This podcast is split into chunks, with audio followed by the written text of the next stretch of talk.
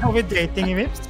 Ja, nei, det kommer vi ikke til å Det, det tror jeg det har aldri vært oppe til diskusjon, så vidt jeg vet. Men, eh, men hvem vet om det også har vært et diskusjonstema i noen av de agile teamene i Vips. Velkommen til podkastserien 'Teknologi og mennesker', laget av Athea og Oslo Business Forum. Vi har samlet de beste eksemplene på teknologi og digitalisering. Hvordan fikk de det til, og hva kan vi lære av dem?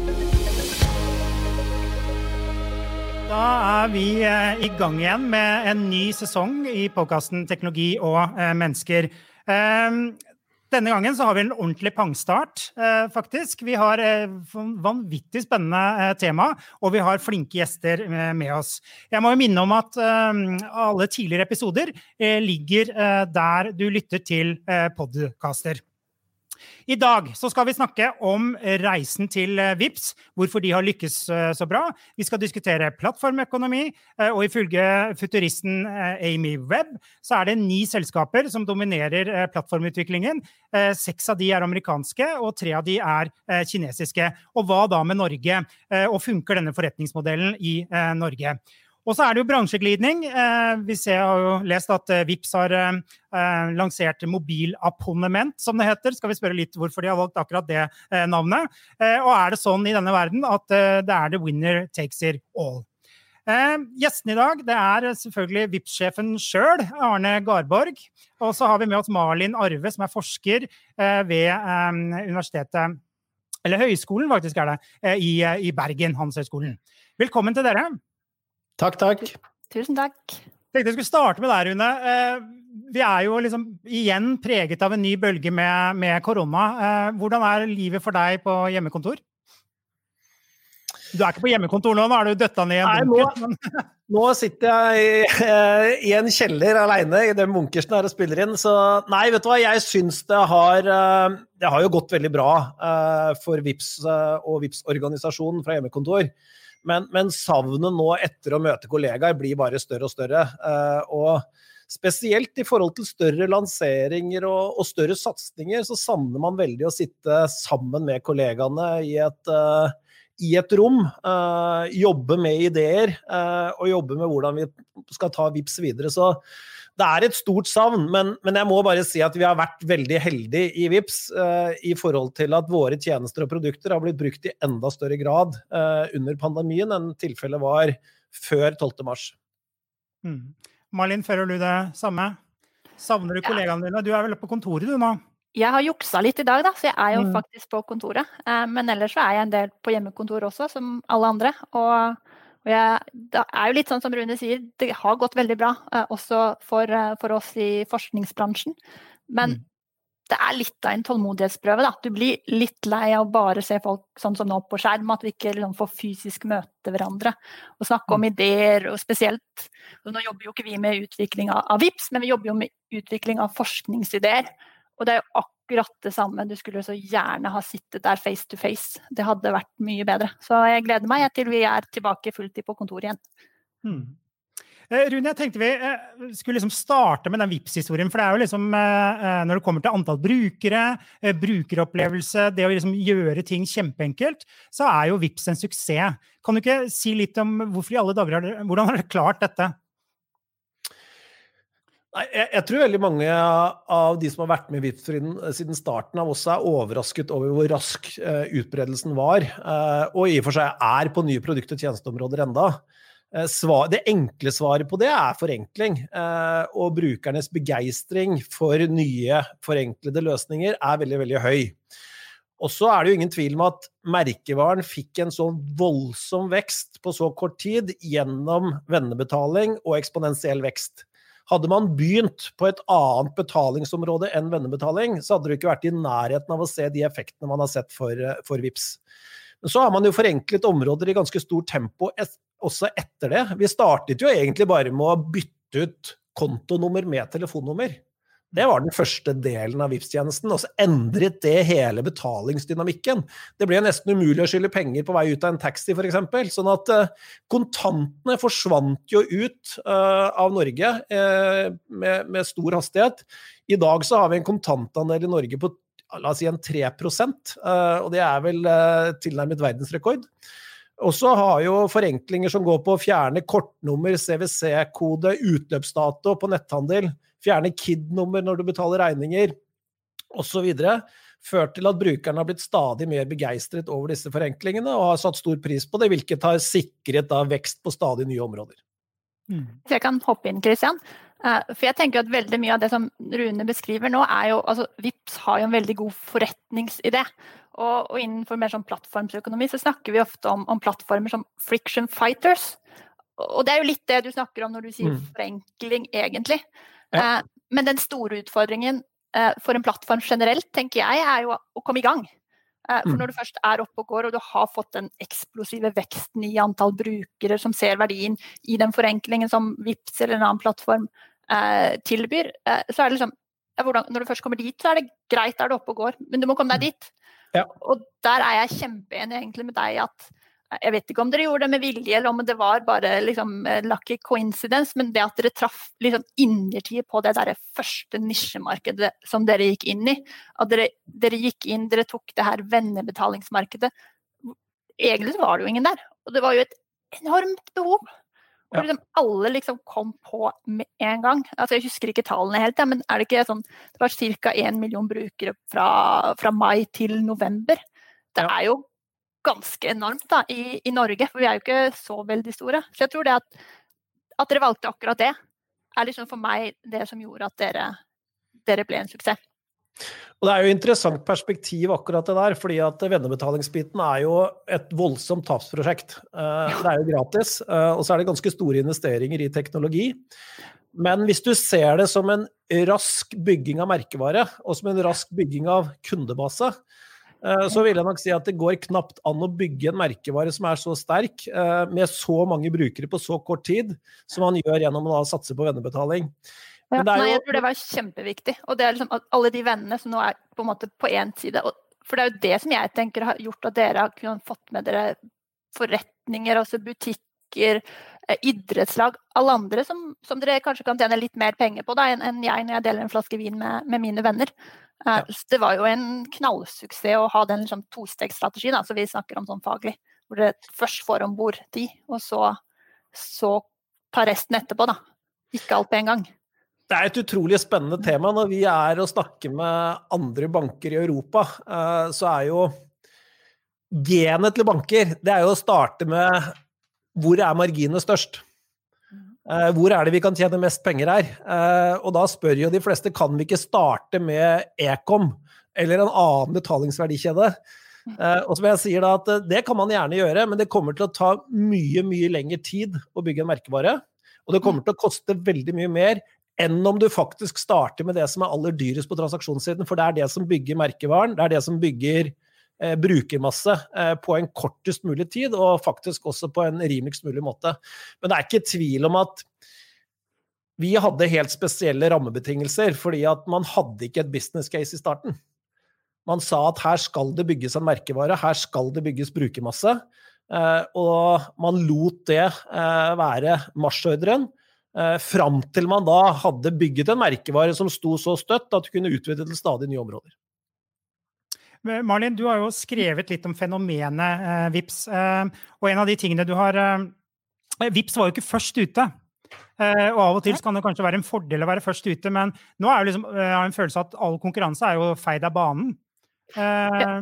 Ja, for det, for det, her er på en måte det er et marked hvor det er ikke konkurranse i markedet, det er konkurranse for markedet. Og da, da sier det seg jo selv at hvis du, en, hvis du kan tjuvstarte litt, så har du jo kanskje en fordel. Eh, men det hadde jo faktisk ikke VIPS. Så det, her, det er veldig interessant, fordi ja, det er en liten fordel å, å, være først. Men det er ikke alt. Du må jo ha en god strategi, du må ha et godt produkt. Eh, for de som ikke vet det, så var jo Mcash eh, De var jo på markedet i hvert fall et år før VIPS, hvis jeg husker riktig. Men det tok liksom aldri av. Og så kom VIPS, og så satset de De satset jo på den vennebetalingen i begynnelsen, og det bare eksploderte.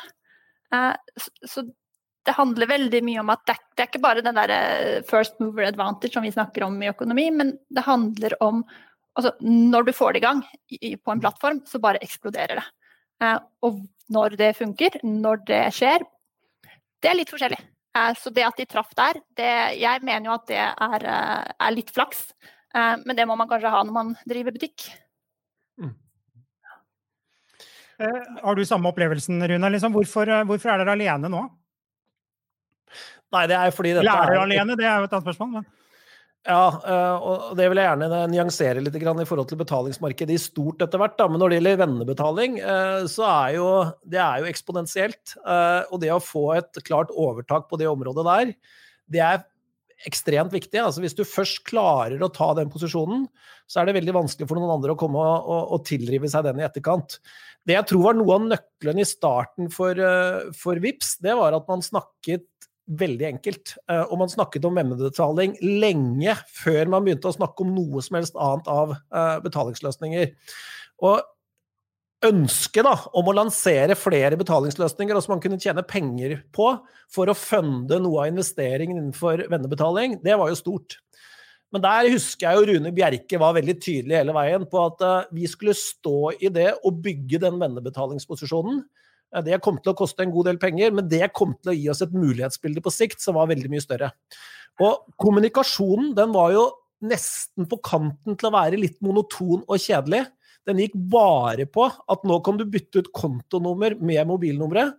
Eh, og det holdt man på i lang tid. Og man holdt på med det til, som Malin sa i sted, et halvt års tid. Da hadde man én million brukere. På det tidspunktet så var egentlig løpet kjørt eh, sånn i, i, i, det korte bildet. Men så ser vi jo nå da, at betalingsmarkedet er jo særdeles interessant. Det er jo et globalt marked, og du konkurrerer i større og større grad mot store internasjonale aktører som kommer til å kjempe beinhardt både innenfor vennebetaling, men, men eh, betaling generelt. Ja, nei, Det er kjempespennende. For dere har jo, jeg tenker at den vennebetalingen var jo den som gjorde at plutselig så kunne dere ekspandere. Dere kunne tilby nye tjenester. Og så var alle interessert med en gang. Hadde dere ikke hatt vennebetalingen, så hadde, hadde, ikke det nødvendigvis fungert. Det er liksom den som er grunnen til alt. Og så har, liksom, har dere kunnet legge på andre tjenester, nye tjenester, utvide tilbudet. Eh, og det er liksom av at dere allerede hadde alle de brukerne som, som hadde VIPS, og som brukte VIPS, som så verdien i det. Og så er det jo kjempespennende nå, da, for nå er vi liksom på et eller annet nivå så har vi på en måte kommet til at VIPS er dominerende i Norge. Mm. Eh, og så har vi innsett at ja, men markedet stopper ikke nødvendigvis ved svenskegrensen. Det er kanskje større. Og i, i, i Sverige har de Swish. I, I, Danmark har de der? Mobile Pay, tror jeg de heter. Liksom, mm. Nå begynner vi på nytt, og nå er det liksom kjempespennende. Hva skal Vips gjøre der? Hvordan skal de få det til i den globale konkurransen? Det er utrolig spennende å være midt i det akkurat nå, da. Mm. Ja, og så er det, en, det er jo en veldig sånn eh, Det er akkurat som du sier, da. De posisjonene som man har innenfor andre betalingsområder, eh, de, de har jo blitt en realitet gjennom at du har alle brukerne eh, i VIPS. Det er jo 3,8 millioner brukere i dag. Alle bedrifter stort sett som driver med handel nå, de er kunder i VIPS. Og det er det jo fordi at sluttbrukerne har blitt godt vant til produktet, liker produktet. Og når de ser det applisert på nye flater, Eh, så, så, så, bruker de også VIPS der. På netthandel nå så har vi jo på noen få år gått fra en markedsandel som har vært uh, for bankenes del da, ganske lav, til at man nå har ca. 25% av transaksjoner på netthandel. og Det har jo vært en helt formidabel utvikling. og Den er basert på den sterke merkevaren og posisjonen man mm. har på, på vennebetaling. Eh, Marlin, eh, det er jo et ord som liksom alltid dukker opp, og så får vi diskutere litt i hvilken grad VIPS er en plattform osv. Ja, det er sant. Vi snakker ja. mye om plattform. ja, liksom, Hva i alle dager er plattformøkonomi, hvis du liksom skal forklare det enkelt for oss? Eh, ja, så, så plattformøkonomi er på en måte en litt, litt annen forretningsmodell enn det, det, man kanskje tenker sånn tradisjonelt, hvor, hvor brukerne står mye mer i sentrum, og hvor, liksom, hvor det er interaksjonen Eh, i, inne i produktet da, som skaper en verdi. Så ofte så tenker man jo mer sånn liksom, eh, på verdileveranser at det er en sånn det er nesten en slags pipeline hvor du har liksom, det er veldig sånn input-output. At du har, en, du har en kjempegod forretningsidé. Du putter inn kunnskap, litt produkter, altså det kommer jo an på om det er en vare eller tjeneste. Og så leverer du det til kunden. Og det er liksom den, det produktet, da, vare eller tjeneste, som har en verdi. Eh, og med plattformer så er det litt annerledes. For altså, appen til VIPS, det er ikke det at den ikke har en verdi, men veldig mye av den verdien er kundemassen, brukerne. Eh, og det er veldig, veldig annerledes om man sammenligner det med, med vanlig produkt eller tradisjonelt produkt. Så plattformsøkonomi handler mye mer om at verdien er i interaksjonen som plattformen skaper med brukerne. Mm. Og, det, og det er VIPS er jo det nyeste eksempelet, men det går jo tilbake til, til Visa og, og, og, det finnes jo mange gamle eksempler, da, selv om vi tenker mye på tech-giganter nå for tiden. Mm. Er det mulig å sammenligne VIPS med f.eks. Facebook? Er det samme logikken som ligger bak? Jeg tenker jo det. Eh, og sånn, altså, modellen, sånn som vi tenker som økonomer eller forskere, så, så er det veldig mye det samme. Uh, og, hvis, og, hvis, vi snakker om Facebook, så er jo litt sånn oppstartsfasen veldig lik. Altså, Vips begynte med, med vennebetaling og, og, bygde videre på det og ekspanderte på måte på den måten. Facebook det begynte jo på Harvard. Eh, som, altså, ja, som en Facebook, et, et, sted hvor du kan kontakte venner Eh, på Harvard. De ekspanderte videre i Boston-området, Ivy League, USA, Canada. Men, men de begynte på en måte lokalt på en utdanningsinstitusjon, og så, og så, og så ekspanderte de derfra. Og så kom annonsører inn senere, når de allerede hadde brukerne eh, som brukte det for å kontakte venner. Og det er jo litt sånn som Vips gjør også, at de, de ekspanderte. De hadde brukerne eller vennebetalingen, og så ekspanderer de til butikker, og de kan ekspandere til andre ting. Så selv om de kanskje ikke ekspanderer til annonsører da, på samme måte som Facebook, så er på en måte logikken og det som er verdifullt sånn på et abstrakt nivå egentlig det samme. Så jeg tenker jo at man bør sammenligne de, og man bør lære av hverandre. Eh, for Facebook har jo vært der lenge, eh, så om, om Vips kan lære noe av det de har gjort bra, det de kanskje ikke har lykkes så godt med, mm. så er det kjempebra. Liker du sammenligningen, Rune? Jeg tror det er veldig viktig å, å, lære av de som er best i verden. Da. Eh, og det Malin sier der, er jo at eh, de store plattformaktørene der, de har jo definitivt mye å lære bort. Det er også spennende her å se på, på det kinesiske markedet, eh, som kanskje har kommet aller lengst i verden innenfor det området vi holder på i. Da. Og jeg, må jo si at det er fascinerende. Jeg var i, i London uh, for uh, noen år siden, og så traff jeg da hun som var europasjefen i Alipay på det tidspunktet. Og så dro jeg gjennom da VIPS og planer for VIPS og hvordan vi tenkte. Og så så jeg at hun ble sittende mer og mer som et spørsmålstegn, og så sier hun uh, Er dere et betalingsselskap? ja, sier jeg da litt sånn forsiktig. Og da så jeg nesten skuffelsen bare bre seg, eh, og hun sier at Og jeg trodde dere var et marketingselskap. og det mm. forteller jo litt om hvordan disse tingene har utviklet seg for Alipay og Tencent, som startet, eller i hvert fall Alipay startet på betalingssiden, Tencent fra eh, mer sosiale medier. Men de har jo bygget det her til å bli plattformer hvor alle nettbutikker i Kina eh, må være. Uh, og det tenker, der ser vi Vi lar oss inspirere av det her, og ser hvilke muligheter som man har realisert da, i disse markedene her, gjennom de posisjonene man har tatt både på betalingssiden og også som et sosialt medie. For de sier jo ofte at altså, Når jeg har hørt foredrag med, med Alibaba eller Alipay, så snakker de om at de er et økosystem. Altså, ja. De har så mye, og alt henger sammen. Eh, så det er veldig mye man kan la seg inspirere av der. Man trenger ikke bare være en vennebetaling eller mobilbetaling. Dere er jo ikke det heller lenger. Nå har dere jo eh, mobiltelefoni. Altså det er utrolig mye som man kan samle sammen da, i det økosystemet. Bare finne ut av hva det er. Og Når du snakker om plattformøkonomi, da, så er det klart sånn for vår del også, når vi har 3,8 millioner brukere, og de fleste bedriftene også uh, er kunder i VIPS, så ligger det jo et potensial i forhold til å skape merverdi for både bedriftene og sluttbrukerne, som er helt enormt. Og det, det er jo det som gjør det aller morsomst å gå på jobb uh, i VIPS. Disse, denne forenklingen i verdensklasse da, som vi drives veldig sterkt av. Uh, I det krysningspunktet mellom uh, bedriftene og sluttkunden, det gir enorme muligheter for, for, for selskapet. Ja, når du først har alle om bord, så er det jo bare å kjøre på. Når du har en idé, så har du jo kundemassene der allerede. Så det, det, det er veldig, veldig spennende. Rune, fordi jeg... Unnskyld. Nei, Rune, kjør på, kjør på.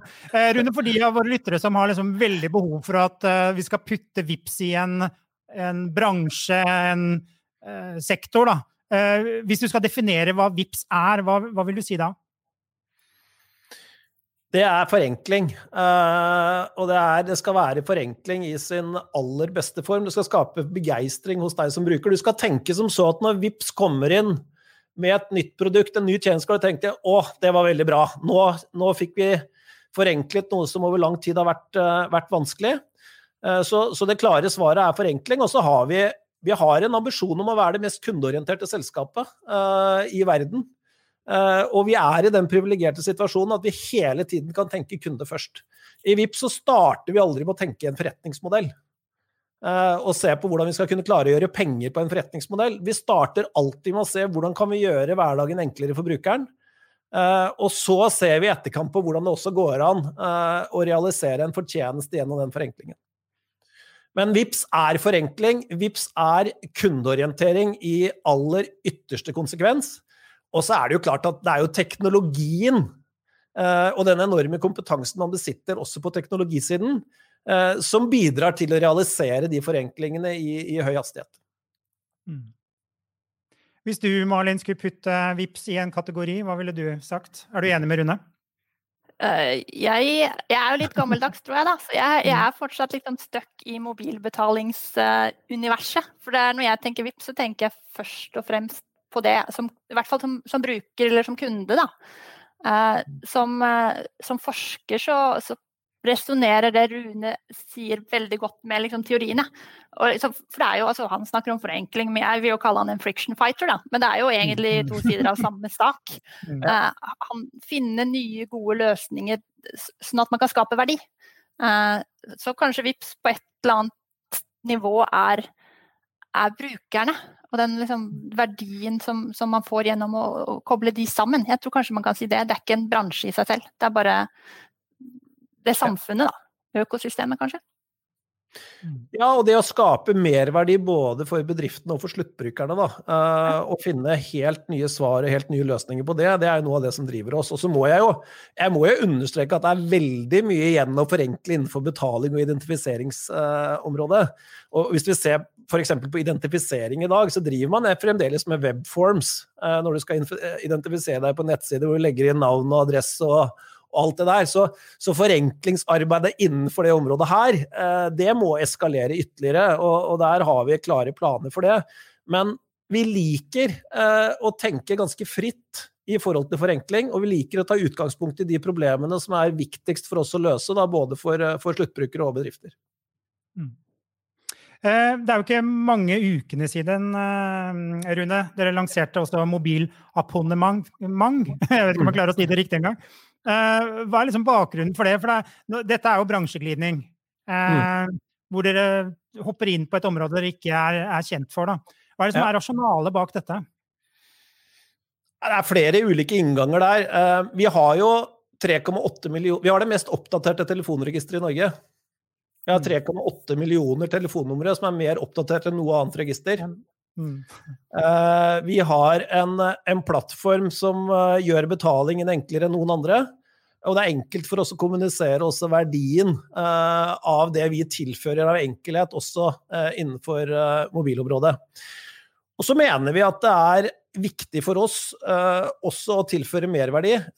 som vi ser det, hvis du ser f.eks. dette med data rollover, så er det et område av forretningsmodeller som er skapt på bedriftenes premisser og ikke kundenes premisser. Eh, og da blir vi veldig interessert når vi ser at vi har hele brukermassen. Vi har hele det oppdaterte telefonregisteret. Vi ser at vi kan forenkle produkt- og tjenestespekteret. Og vi ser også at verdiforslagene må bli mer kundeorientert. Da tenker vi at dette er et godt utgangspunkt for oss.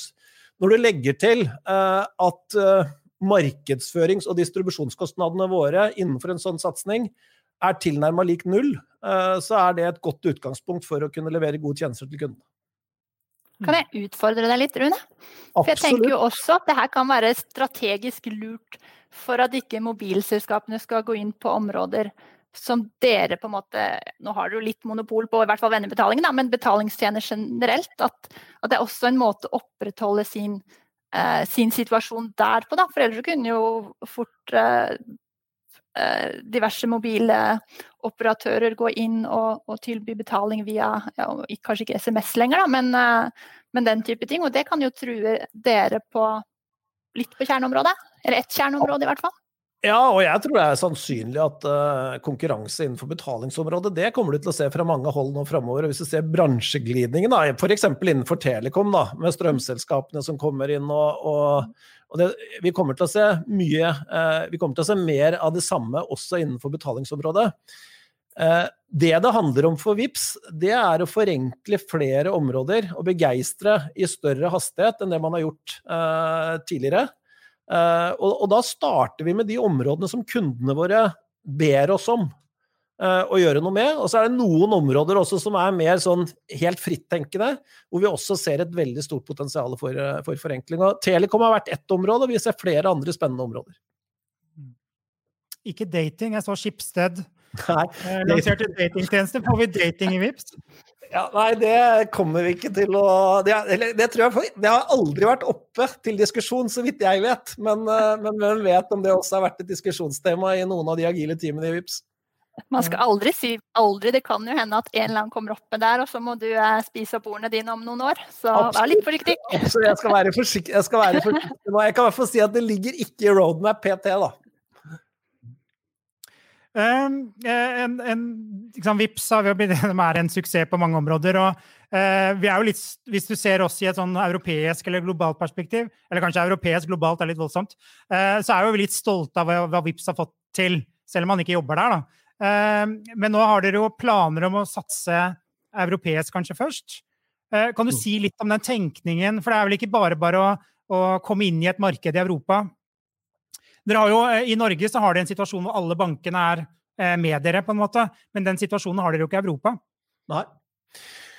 Nei, eh, jeg må først og fremst si det at det må, altså når vi ser hvordan betalingsmarkedet og identifikasjonsmarkedet utvikler seg eh, globalt, så trenger man eh, sterke nasjonale posisjoner. Det er ingen tvil om at det kommer til å bli viktig til å kunne stå imot i den konkurransen. Og Uh, og det er jo, Jeg blir av og til spurt om posisjonen til VIPS på noen områder da er urokkelig, nærmest. Uh, men jeg kan i hvert fall si at vår holdning i, i VIPS når vi ser den konkurransen vi møter, det er at det kommer til å bli mildt sagt usikkert i forhold til hvilke posisjoner man klarer å beholde framover.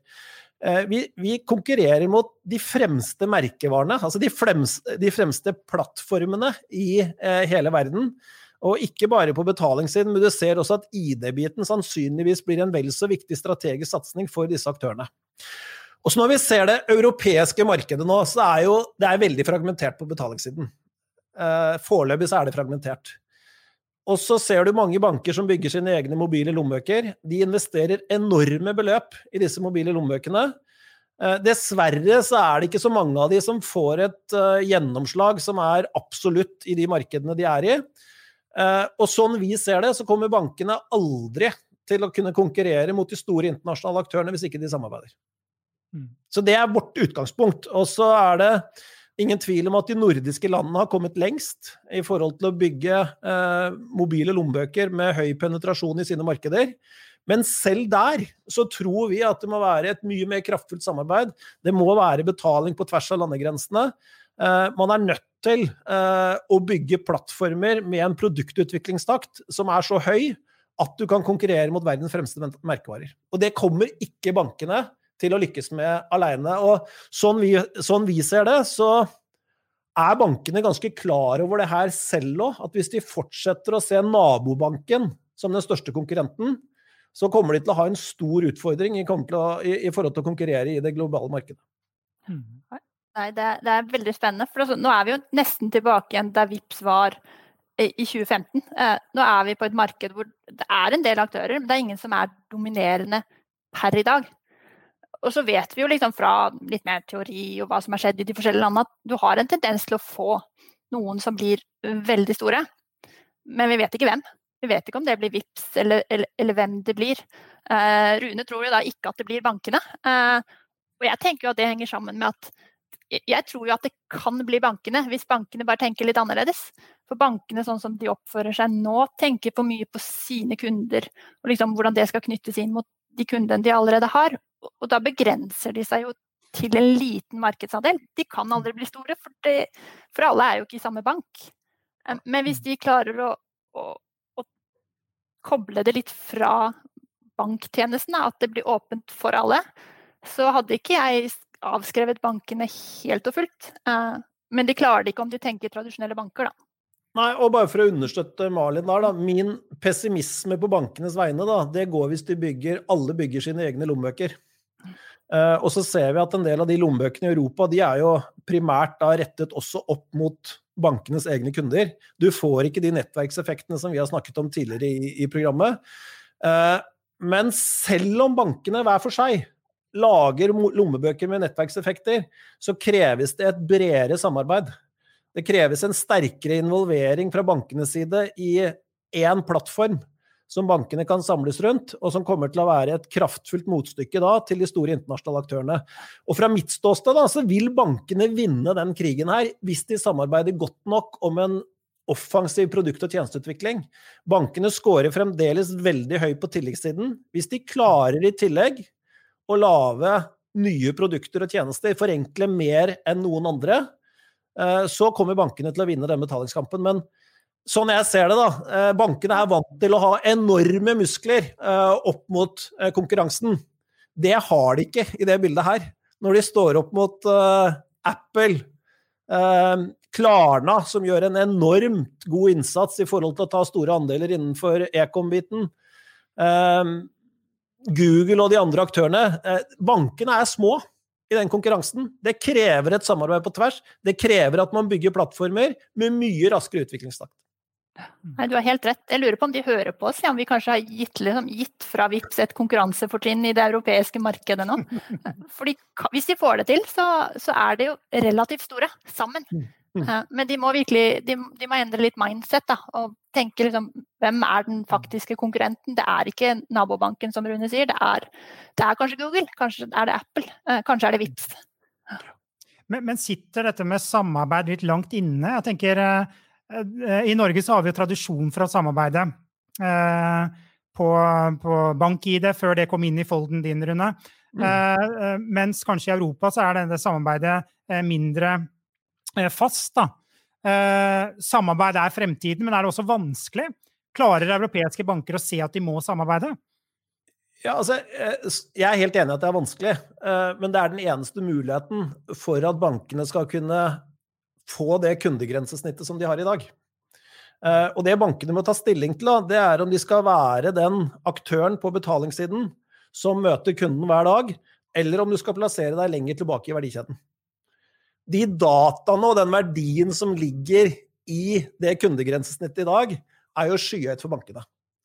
Og mitt utgangspunkt er at hvis bankene ikke samarbeider, så kommer de ikke til å ha det kundegrensesnittet over tid, da er det de store globale gigantene som tar det. Så ja, det er vanskelig å samarbeide, men alternativet til ikke å gjøre det, det er å miste det kundegrensesnittet over tid. Jeg vet at det kan høres litt sånn uh, voldsomt og bastant ut, men uh, den betalingskrigen her, den kommer til å bli så intens, det kommer til å investere så mye fra aktørene for å vinne det, uh, at det krever enorme ressurser, og det krever et, et et sterkt samarbeid på tvers for at det der virkelig skal stå opp i konkurransen. Mm. Ja, og det er litt, men jeg skjønner egentlig altså Jeg må forsvare bankene litt nå, da. Men jeg skjønner at de syns det er vanskelig. For det er jo det er veldig risikabelt å samarbeide i de her markedene. For blir du stor nok, altså slipper VIPS til en ekstern aktør inn på det norske markedet f.eks., så er jo risikoen at det er ikke VIPS som vinner på det, det er den andre aktøren. Og at man på en måte taper fordi man blir spist av sin samarbeidspartner. Så jeg skjønner jo også at, de, at det er vanskelig.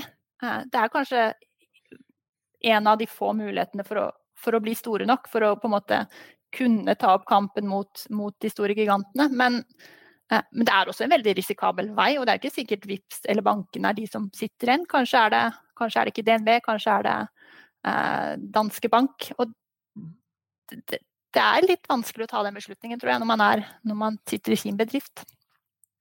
Ja, og jeg tror egentlig det er, eh, som du sier, da uh, Men du kan si også de norske bankene, når de går sammen uh, om VIPS, så er det jo på sett og vis tap av kontroll på en del mm. områder. Selv om du er eier og du naturligvis påvirker utviklingen av, av VIPS som selskap. Men det man ser, det er at du må bygge sterke merkevarer. Du må bygge store brukermasser for å kunne konkurrere i et marked som blir stadig mer globalt, og preget av de aller største og beste merkevarene på å drive enkel produkt- og tjenesteutvikling. Og det er den risikovurderingen der også man må gjøre, da, i forhold til hva mm. er alternativet om man ikke søker sammen. Uh, og, og, fra mitt ståsted da, så, så, tror jeg ikke bankene kommer til å stå opp i den konkurransen hvis de satser på egne. Og det er jo interessant å se også i det nordiske markedet nå, fordi uh, det at man er alle bankene i Norge sammen om VIPS, det har jo gitt en helt annen distribusjonskapasitet inn mot bedrifter. Og hvis du sammenligner nå VIPS med MobilePay. Eh, MobilePay ble jo etablert to og et halvt år før VIPS. Så ser du at Apple annet har fått en helt annen posisjon i det markedet enn det det har gjort i Norge. Eh, og det er fordi at distribusjonskapasiteten og samarbeidet i Bank-Norge har, har, eh, gitt et kraftfullt, godt fotavtrykk i markedet. Ja, det har jo på en måte gjort at altså, Situasjonen til VIPS har jo blitt så mye stabil. Den har jo liksom eksplodert. Da. Du har jo liksom, alle bruker jo VIPS. Eh, mm. Så den, altså konkurranseevnen til VIPS har jo blitt styrket ved det samarbeidet. At man liksom fikk det til fort. da. Eh, mm. For ellers så kan, kan, de store gigantene eller andre eksterne aktører snike seg inn. Eh, du må liksom opp i den kritiske massen fort for å være mm. konkurransedyktig. Jeg tenkte Vi må også snakke litt om nedsiden her. fordi Når vi snakker om de store globale tech-gigantene, Eh, så er det jo alltid rødt flagg, de er for dominerende, det er for mange brukere osv. Men jeg tror jeg aldri har hørt om VIPs posisjon i det norske markedet. Hvorfor er det sånn, Malin? Nå skulle du nesten invitert Konkurransetilsynet, ikke meg. Ja. Eh, men, men, det handler jo om at i de her markedene så blir du så stor, du blir så dominerende. Og, og det er på en måte på et tidspunkt bra, men, men, du kan jo på en måte utnytte den situasjonen også. Du kan jo, du kan jo forhindre på en måte at nye ideer, nye produkter blir lansert. Fordi alle brukerne er hos deg, så den, den nye bedriften er på en måte, de hadde en, en, ny idé som kanskje er bedre enn VIPS, ikke kommer til. Fordi, fordi nettverkseffekten, altså brukermassen til VIPS er så dominerende. Eh, så det, det, kan jo lede faktisk til mindre innovasjon, i hvert fall utenfor VIPS. Altså VIPS har mange ideer internt, men det kan jo kanskje begrense markedet til kun VIPS, og at ingen andre kommer til. og det er jo ikke nødvendigvis bra for, for oss brukere, da, hvis jeg skal late som jeg er Konkurransetilsynet akkurat nå. Mm. Hva tenker du, Rune? Har dere blitt for dominerende?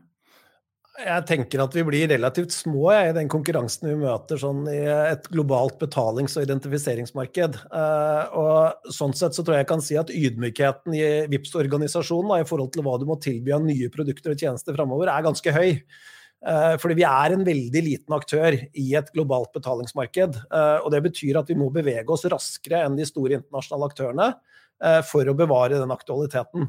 Og så tror jeg det er en annen faktor som også er viktig her. Det er at du virkelig viser at du er på brukernes side, da, og at du er på bedriftenes side.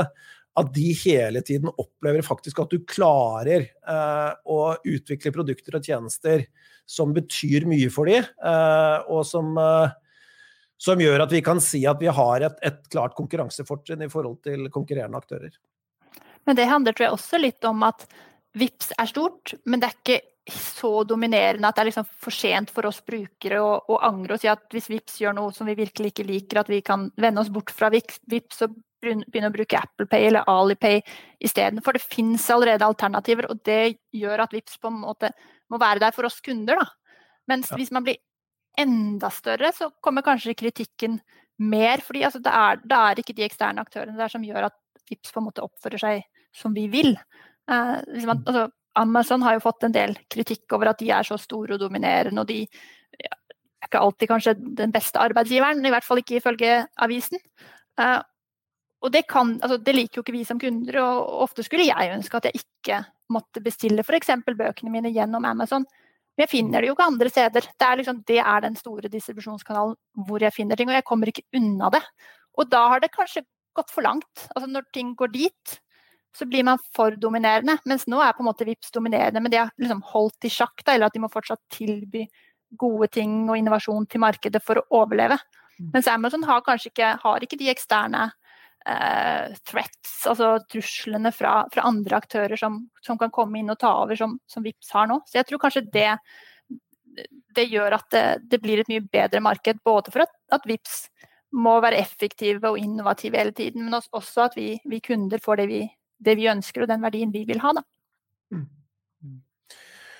Ja, så tror jeg det er veldig stor forskjell på å bygge posisjoner også gjennom markedsmakt, da, eh, og det å gjøre det gjennom å begeistre brukerne og bedriftene. Og jeg jeg syns det er et veldig sånn godt eksempel i forhold til det som går på, på login i Norge. Uh, I snitt så har vel brukerne sånn 30 passord hver. Uh, en veldig lite sikker innretning. Uh, og i tillegg så er det veldig tungvint. Så det er så mye igjen da, å forenkle. Og så lenge du klarer virkelig å komme med forenklinger som betyr noe for folk flest, Eh, så tror vi at det er mulig å opprettholde den begeistringen som vi har sett fram til nå. Vi begynner å nærme oss slutten her, men eh, Rune, eh, mellom oss tre, da. hva er det Vipps har på, Vips har på blokka nå, liksom? Dere har jo sagt nei til dating, har vi skjønt. og så er det mobilabonnement inn. Hva er det neste vi kan vente fra Vips?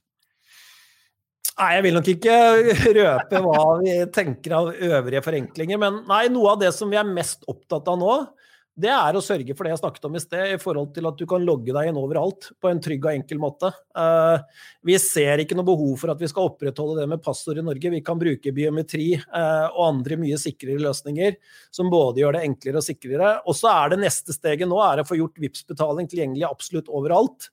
Vi er jo nå på 40% av terminalene i Norge. Jeg vet det jobbes hardt. altså Verifone er jo med, med, med Vipps-betaling. Og så jobber vi med, hardt med Nets i forhold til å få det ut i resten av Norge. Og da er det per definisjon mulig eh, å gå ut av huset sitt og kunne betale eh, med mobilen absolutt overalt. Da kommer de unge til å legge igjen plastkort hjemme. Eh, da kommer plastkortet til å ligge ved siden av kodebrikken i skuffen. Uh, og det ser vi fram til at vil skje allerede allerede starten av 2021. Hmm. Malin, hvis du skal spå litt om fremtidsutsiktene til VIPS, hva vil du si? Hva kan vi vente, tror du?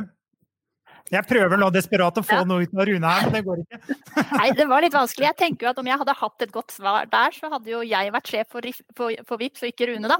Mm. Uh, men, men, jeg tenker jo at de må fortsette å å skape den begeistringen. Uh, så det jeg egentlig er mest spent på, er uh, hva det å vippse, for vi snakker jo mye om å vippse, det å betale til noen, da, sende penger, mm. om det kan få et litt videre eh, tolkningsområde i fremtiden. Kanskje vippse kan bety litt mer. Det, så jeg vil heller ha en utfordring etter Rune og Vips enn For jeg vet ikke helt hva de har opp, eh, opp eh, ermet, men eh, Uten å gå nærmere inn, uten å gå nærmere inn på det. Men uten å gå nærmere inn på det, Malin, så syns jeg det er en veldig god idé. Mm. Veldig bra. Uh, Rune og Malin, tusen takk for at dere kunne være med, og tusen takk til deg som har uh, lyttet til. Så vil jeg bare si til slutt, da, Kristian, at ja. jeg ble introdusert som uh, Arne Garborg i dag, og det setter jeg veldig pris på. Min far, min far, er jo født og oppvokst på Garborg, hvor Arne Garborg har sitt hjemsted. Så jeg vil benytte anledningen i dag til å hilse til min familie på Garborgheimen når det først kommer opp. Kjempebra. Da snakkes vi. Ha det. Du har nå lyttet til Teknologi og mennesker, laget av Athea og Oslo Business Forum. Liker du podkasten, setter vi stor pris på om du gir oss noen stjerner. Og tips gjerne en venn om podkasten.